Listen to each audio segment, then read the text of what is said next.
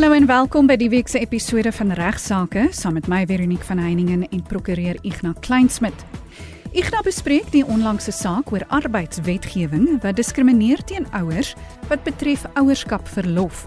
Hy bespreek ook 'n luisteraarsbrief wat handel oor eksekuteursfooie en raak ook aan 'n egskeidingssaak. Maar die groot probleem is dikwels ook die moedswillige onderhoudspligtige wat die beursie as wapen gebruik tydens die geveg. In die tweede deel van regsaake sluit spesialis gas Elsa Kreur Willemse vir die eerste keer by my aan. Sy is 'n prokureur in privaat praktyk en vandag wil ek by haar weet of vruggebruik 'n seën of 'n straf is.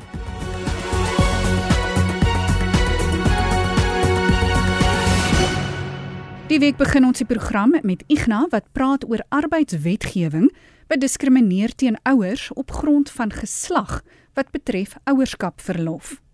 Ja, baie goeiemôre aan al ons gereelde luisteraars. Altyd lekker om u te gesels en ook 'n baie spesiale goeiemôre aan al die nuwe luisteraars. Elke nou en dan kry ons 'n briefie wat sê hulle is nuwe luisteraars en hulle geniet dit baie. Eerstens vir ons te kyk na iets wat onlangs gebeur het, was al redelik baie in die media gewees, naamlik op 25 Oktober hierdie jaar het die Hooggeregshof in Johannesburg by monde van regter Roland Sutherland bevind dat arbeidswetgewing diskrimineer onregverdig teen ouers op grond van geslag wat betref ouerskapverlof.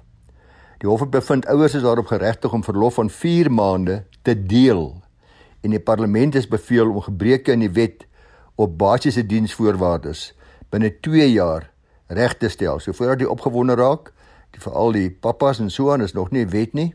Dit moet nog reggestel word deur die parlement, die wet op basiese diensvoorwaardes en dit gaan natuurlik ook eers 'n draai maak in die konstitusionele hof. Die regter het bevind die wet is ongrondwettig omdat daar geen geldige gronde is om tussen een ouer as 'n werknemer en 'n ander ouer te onderskei nie. Anderswoorde die ouer wat die baba dra en die ouer wat die natuurlike vader is van die baba draer of ook natuurlik die waardigheid van alle ouers dat dit daarteen diskrimineer soos byvoorbeeld die van 'n surrogaat waar daar van 'n surrogaat gebruik gemaak is of waar 'n kind aangeneem is sê die regter behoort presies dieselfde te geld wat betref ouerskapverlof. Aan die kern van die applikante se argumente in hierdie saak is die gelyke behandeling van ouers. Hulle het beoog om die argaïese onderskeid tussen ouers wat geboorte skenk en diegene wat dit nie doen nie behoorlik uit te lig en alhoewel die uitspraak nog deur die konstitusionele hof bekragtig moet word, skep dit al wat my betref beslis 'n presedent vir ouerskapsregte en gelykheid in die werkplek. En na mate die wetgewing dan verander, gaan die werkgewers hier wat werkgewers natuurlik ook moet kyk na die eie beleide en die praktyke in die werksomgewing.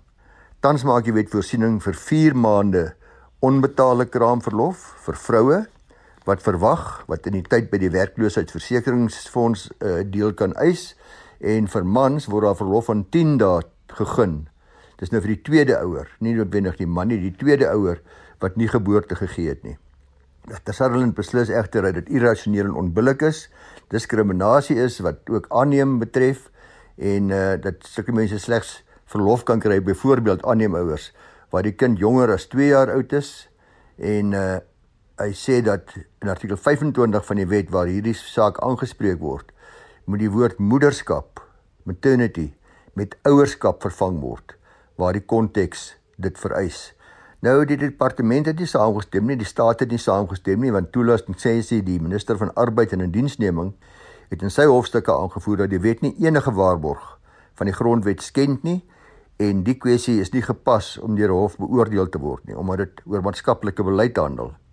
Niasa aan die ander kant het weer gesê dat die uitkomste waarvoor die applikante vra sal nadelig wees vir besighede vir ondernemings en die minister se standpunt stem hulle saam met dat die parlement eerder oor die wetgewing moet besluit en nie die howe nie.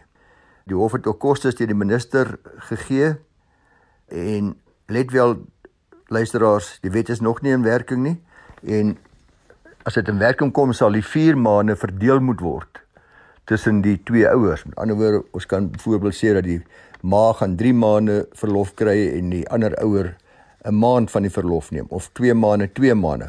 Dit sal hulle keuse wees as die wet omverander deurgaan en die kans ek dink ek is redelik goed dat dit min of meer in dieselfde vorm as wat die hof beslis het gefinaliseer sal word.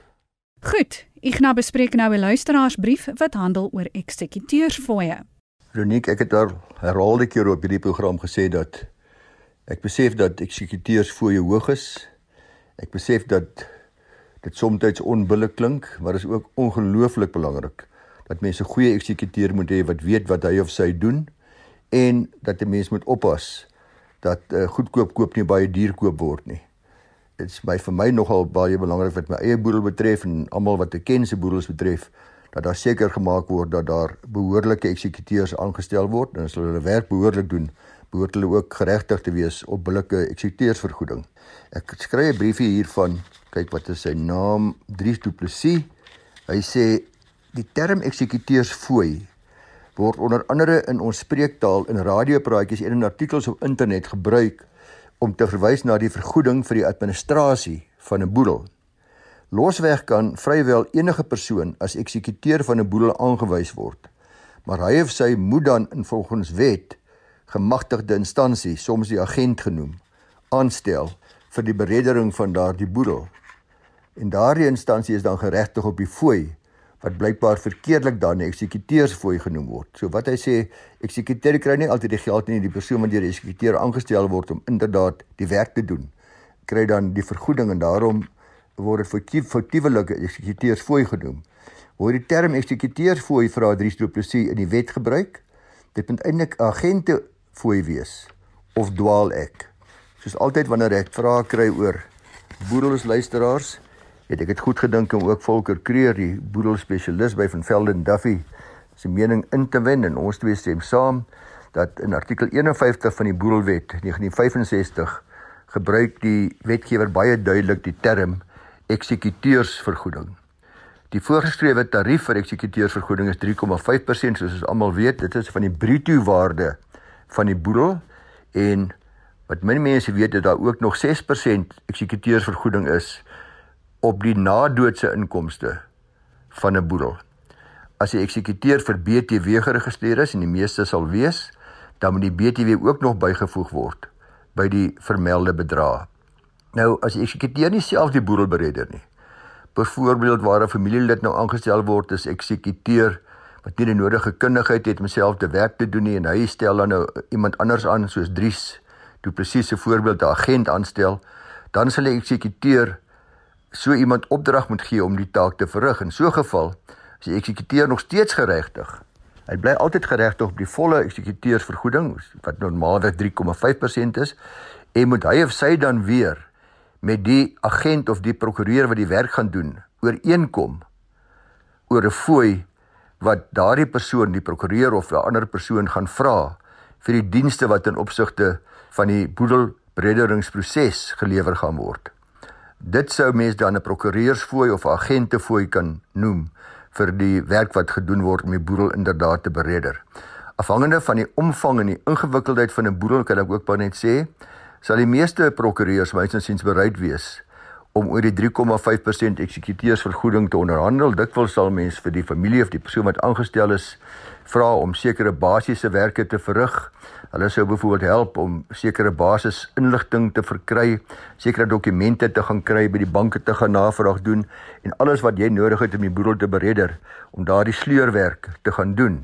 Die prokureur of die agent dan wat gevra word om die boedel te beredder, sal dan slegs die tegniese bereddering van die boedel doen en daarom bereid wees om heelwat minder te aanvaar om sy eksekuteursvergoeding van 3,5% te deel op 'n basis wat billik is. Nou, wat billik is sal ook baie afhang van die kundigheid van die persoon en ek daar kan byvoorbeeld besluit word om te kyk na die ingewikkeldheid van die boedel, die omvang van die boedel of daar baie probleme met die boedel is, of die boedel baie netjies is of u die oorledene is, u die oorledene gaan wees of alles van u wat die boedel betref mooi netjies in plek is en maklik gevind kan word. Dit sal alles help vir u eksekuteur om op 'n baie billike fooi met die persoon wat hy gaan vra, die prokureur of wie ook al wat hy gaan vra om hom te help te onderhandel. So luisteraars, ek dink dis goeie plan om altyd in gedagte te hou dat mens mag onderhandel, daar's niks fout mee nie, niks verkeerd daarmee nie. Inteendeel, heelwat testamente sal die testateur alreeds in die testament sê dat as gevolg van die omvang van my boedel op watter rede ook al stel ek eksekuteur so en so aan waarop voorwaarde dat hy of sy slegs geregtig sal wees sê byvoorbeeld op 2% as eksekuteursfooi indien hy dit nie wil aanvaar nie dan moet die meester 'n ander eksekuteur benoem of dan word 'n ander formule gegee waarop 'n eksekuteur benoem kan word. Ek nou bespreek nou 'n egskeidingssaak. Baie mense wil gereeld by my weet of daar darm beskerming is vir partye, die man of die vrou tydens die verloop van 'n egskeiding wat dikwels hartstogtelik en gewoonlik hoogs emosioneel en ook dikwels baie aggressief verdedig word deur een of albei van die partye en ek het al voorheen by herhaling gesê op hierdie program dit is so onnodig dikwels word wil die een party nie dalk skei nie. Dit is ook so dat een van die partye is dalk eh, betrokke by 'n derde party, gewoonlik na verwys as die terd of die hoer. En daar's wraakgedagtes en daar's diep ongelukkigheid en daar's rou en daar's seer. En ongelukkig dikwels is daar geen wenners in hierdie uitgerekte duur litigasie proses nie behalwe natuurlik die prokureurs en advokate wat betrokke is dis waarom dit so belangrik is om te besef dat skuld nie regtig 'n groot vereiste by die meeste egskeidings speel nie en dat daar liewer op 'n billike manier ter wille van die hele gesin gepoog moet word om die saak in derminne te skik. Maar die groot probleem is dikwels ook die moedswillige onderhoudspligtige wat die beursie as wapen gebruik tydens die geveg om dit so moeilik as moontlik te maak vir die een wat nie die beursie normaalweg gehou het nie.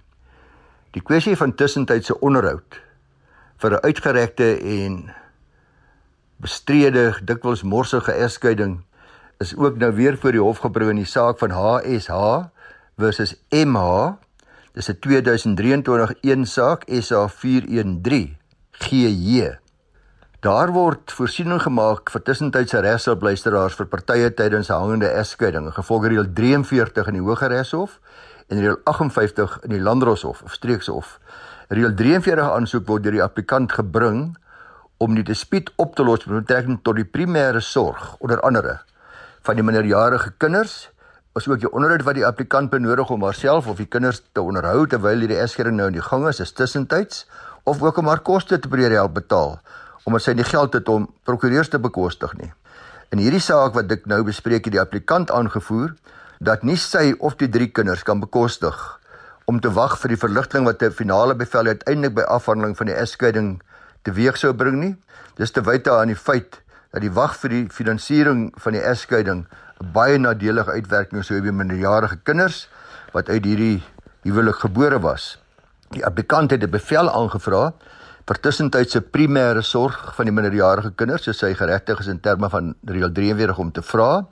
Dit sal nou nou wees gedurende die verloop tussentyds van die eskeringsgeding. Sy vra ook vir tussentydse onderhoud in die bedrag van 104000 rand per maand. Nou ja, dis 'n hele klompie geld, maar is duidelik baie welvarende mense gewees. Dit vra sy as tussentydse onderhoud is ook 'n bevel vir regskoste om haar in staat te stel om hierdie uitgerekte eskeringsaksie te finansier en omdat sy ook voorsien dat hierdie bekleierery nie sommer gou gaan ophou nie. In die applikante se eis om tussentydse regshulp het sy gefokus op die behoeftes van die kinders en dan veral ook die lewensstandaard waaraan hulle gedurende die huwelik bewus was. Die applikant se eis vir die behoeftes aan reël 43 bevel is ondersteun ook deur die bevindinge en verklaring van 'n maatskaplike werkster wat tydens die egskeiding aangestel is En sy het aangevoer hierdie maatskaplike werker dat dit in die kinders se belang sou wees verseker om tydens die eskeringsverrigtinge by die ma te woon en dat die opponerende party die pa probeer dit om die ma te belas met onnodige regskoste wat sy dood eenvoudig nie kan bekostig nie. En daarom stem sy saam dat die applikant geen keuse het anders as om van tussentydse regshulp gebruik te maak nie en daarvoor aansoek te doen by die hof ten einde haar toenemende regskoste en ook haar onderhoudsverpligtinge te kan nakom. Die hof het in gunste hier van die applikant beslis luisteraars en 'n bevinding gemaak, 'n bevel gegee dat die man in hierdie geval 'n bedrag van 830 000 rand aan die applikant moes betaal. Dit is vir agterstallige en regskoste en Hy het ook haar eis van 104000 rand per maand vir tussentydse onderhoud toegestaan. Dis moenie dat woede en wraak u egskeiding of die beëindiging van die huwelik oorheers nie en sterkte vir almal. Groete tot volgende week maandag dieselfde tyd. Dankie Igna en in die tweede deel van regsaake sluit Elsa Kreur Willemse vir die eerste keer by my aan. Sy is 'n prokureur in privaat praktyk in Centurion en vandag praat sy oor vruggebruik. Baie welkom by regsaake Elsa. Elsa, kan jy vir ons in beginsel verduidelik wat vruggebruik is? Goeiemôre Veronique en al die luisteraars. Dankie vir die geleentheid om vandag met julle te kan gesels. Veronique, 'n vruggebruik is die oudste persoonlike servituut wat daar is. Dit het ontstaan in die Romeinse reg. Dit het spesifiek gegaan oor eiendomsreg tussen 'n slaaf en sy tydelike meester. So, hoe dit gewerk het, is dat wanneer die slaaf beloon is met eiendom, kon die eiendom nooit aan die slaaf behoort nie. Dit het aan die meester behoort en die slaaf het net die gebruik en genot van die eiendom gekry. So tradisioneel veral in Suid-Afrikaanse geskiedenis het die toestaan van 'n vruggebruik meestal voorgekom by mense wat plase bemaak het aan een persoon, maar dan daarmee saam 'n saaklike reg vir 'n vasgestelde of beperkte tydsduur aan 'n ander persoon bemaak het, gewoonlik vir die lewensduur van so 'n persoon. Tradisioneel is daar dan na die reg verwys as 'n lewensreg. So as die luisteraars byvoorbeeld dink aan 'n appelboom in 'n tuin. Die vruggebruiker sal in die boom kan klim, selfs in die boom kan bly en die vrugte van die boom kan pluk en eet. Maar die boom behoort aan iemand anders. En dis basiese vruggebruik. Die houer van die vruggebruik het die reg tot gebruik van die eiendom en die voordeel van die genot van die vrugte van die eiendom wat aan iemand anders behoort. Dit klink na 'n baie ou konsep. Is dit iets waarmee jy nog gereeld in praktyk te doen kry? O ja, verseker Veronique. Mense gebruik persoonlike servitute baie algemeen in hul testamente wanneer hulle eiendom bemaak. Die probleem is, hulle weet nie wat die werklike omvang daarvan is of wat in praktyk die impak daarvan op hul geliefdes gaan wees nie. So met ander woorde, hoe word hierdie reg uitgevoer? Die hoofgedagte van 'n testateur is gewoonlik net dat hy sy eiendom aan een persoon wil bemaak terwyl hy ook 'n lewensreg oor die eiendom aan 'n ander persoon wil gee. Veronique om dit maklik te verduidelik, wil ek hê luisteraars moet dink aan byvoorbeeld 'n plaas. Kom ons maak dit 'n appelplaas en ons sê oom Piet is die eienaar. Die plaas is ook al vir generasies in sy familie en hy sal dit graag so wil behou. Daar is boorde op die plaas wat vrugte dra wat kommersieel verkoop word, maar ons het ook 'n huis op die plaas waarin mense kan woon. So terwyl oom Piet wil hê dat die plaas in sy familie moet bly, wil hy ook seker maak dat sy vroue plek het om te bly tot die dag van haar afsterwe. Om dit te bereik, besluit oom Piet om in sy testament die eiendom aan sy seun te bemaak terwyl hy 'n lewensreg oor die eiendom aan sy vrou bemaak. In wese het oom Piet drie verskillende beperkte regte wat hy moontlik aan sy vrou kan bemaak en wat duidelik van mekaar onderskei moet word. Watter reg oom Piet ook al bemaak, sal geregistreer word in die titelakte of kaart en transport soos dit vroeër jare bekend was van die eiendom. Goed, nou wat is hierdie verskillende beperkte regte wat die testateur kan bemaak? Ek wil eerstens noem dat die verskille tussen hierdie tipes regte baie tegnies is. Maar dit is belangrik aangesien een persoon 'n reg kry, daai persoon noem ons 'n vruggebruiker, oor die eiendom wat bemaak word aan 'n ander. Dit is die erfgenaam of die nuwe eienaar. En die tipe reg wat die vruggebruiker kry, bepaal presies wat hy of sy mag doen ten aansien van die eiendom van die erfgenaam. Dis belangrik om te weet dat die toestaan van 'n beperkte reg oor eiendom kan 'n baie groot frustrasie skep vir ongeduldige erfgename wat hul erfporsie wil gebruik. Om dit te verduidelik, gaan ek hou by die voorbeeld van oom Piet met sy appelplaas. So die eerste reg is 'n habitatio of in gewone Afrikaans 'n bewoningsreg. Met hierdie beperkte reg sal hom Piet se seun die eienaar word van die hele plaas terwyl sy vrou die reg kry om te woon in die seun se huis. Die vrou sal ook geregtig wees om die huis uit te verhuur as sy nie self daar wil bly nie en die huurinkomste vir haarself te hou. Die nadeel van so 'n bewoningsreg is dat die persoon wat in die huis mag bly nie die vrugte van die saak mag gebruik nie, maar slegs die gedeelte waarop sy self geregtig is, mag verhuur. Oom Piet se vrou sal dus kan woon in die huis op die appelplaas en ook die huis uitverhuur. Maar sy mag nie die appels van die plaas verkoop nie.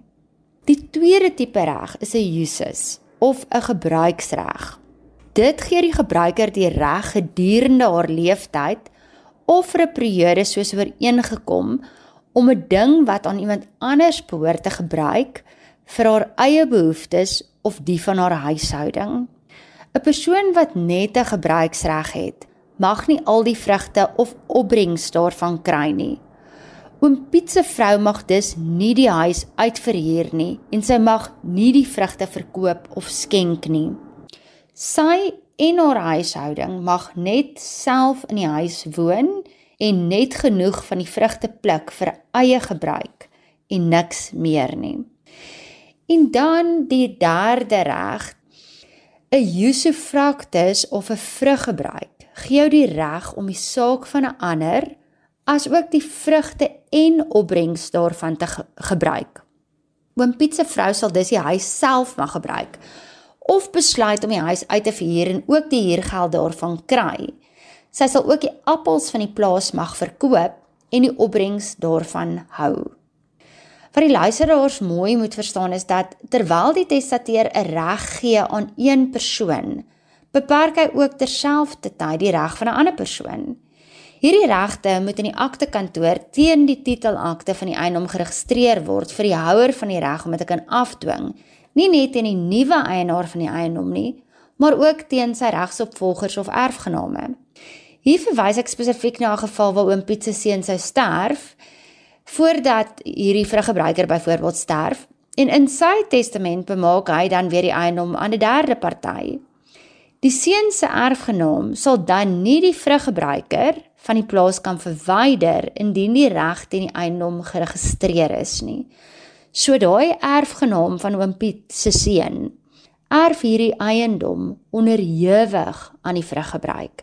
So jy kan sien die reg van die vruggebruiker is 'n bietjie sterker hier. En net in slotte Elsa, is dit jou advies aan luisteraars om eerder nie 'n vruggebruik aan iemand te gee nie? Veronique, dis ongelukkig nie net 'n een eenvoudige ja of nee antwoord nie.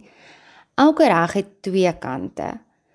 Elke reg wat jy skep kom met 'n verpligting saam. Alhoewel ons nie uit die graf mag regeer nie, reguleer ons tot 'n baie groot mate menseverhoudings en emosies met ons testamente. Die belangrikste is dat die testateur moet oop en eerlik wees watter verhoudinge hy of sy wil reguleer. Van partykeer is 'n vruggebruik 'n ideale meganisme om bates en belange te beskerm. Dit is belangrik om die regte, maar ook die verpligtinge en die uitvoering daarvan in praktyk te verstaan. In sekere gevalle dien dit die doel en is dit nodig en in ander gevalle oorkompliseer mense dinge en is dit net nie nodig nie. Indien mense dus eiendom wil beskerm of mense teen mekaar wil beskerm, moet hulle baie seker maak wat die effek van die reg wat hulle toestaan gaan wees. Die verkeerde reg toegestaan kan soms meer kwaad as goed doen en uitdraai om eerder 'n straf as 'n seën te wees om te weet of jy 'n beperkte reg moet gee en indien wel watter spesifieke reg geskik is vir jou omstandighede. Dit is baie belangrik dat jy moet konsulteer met 'n regskenner op die gebied alvorens jy enige regsdokumentasie laat optrek. Maak ook seker dat dit iemand is wat nie net die teorie ken nie, maar ook die praktyk, die uitvoering daarvan verstaan en wat vir jou kan verduidelik waarvoor jy jouself of jou geliefdes inlaat. Sou jy so reg in jou testament skep? Ons is immers en genadiglik nie meer in era van slawe en meesters nie.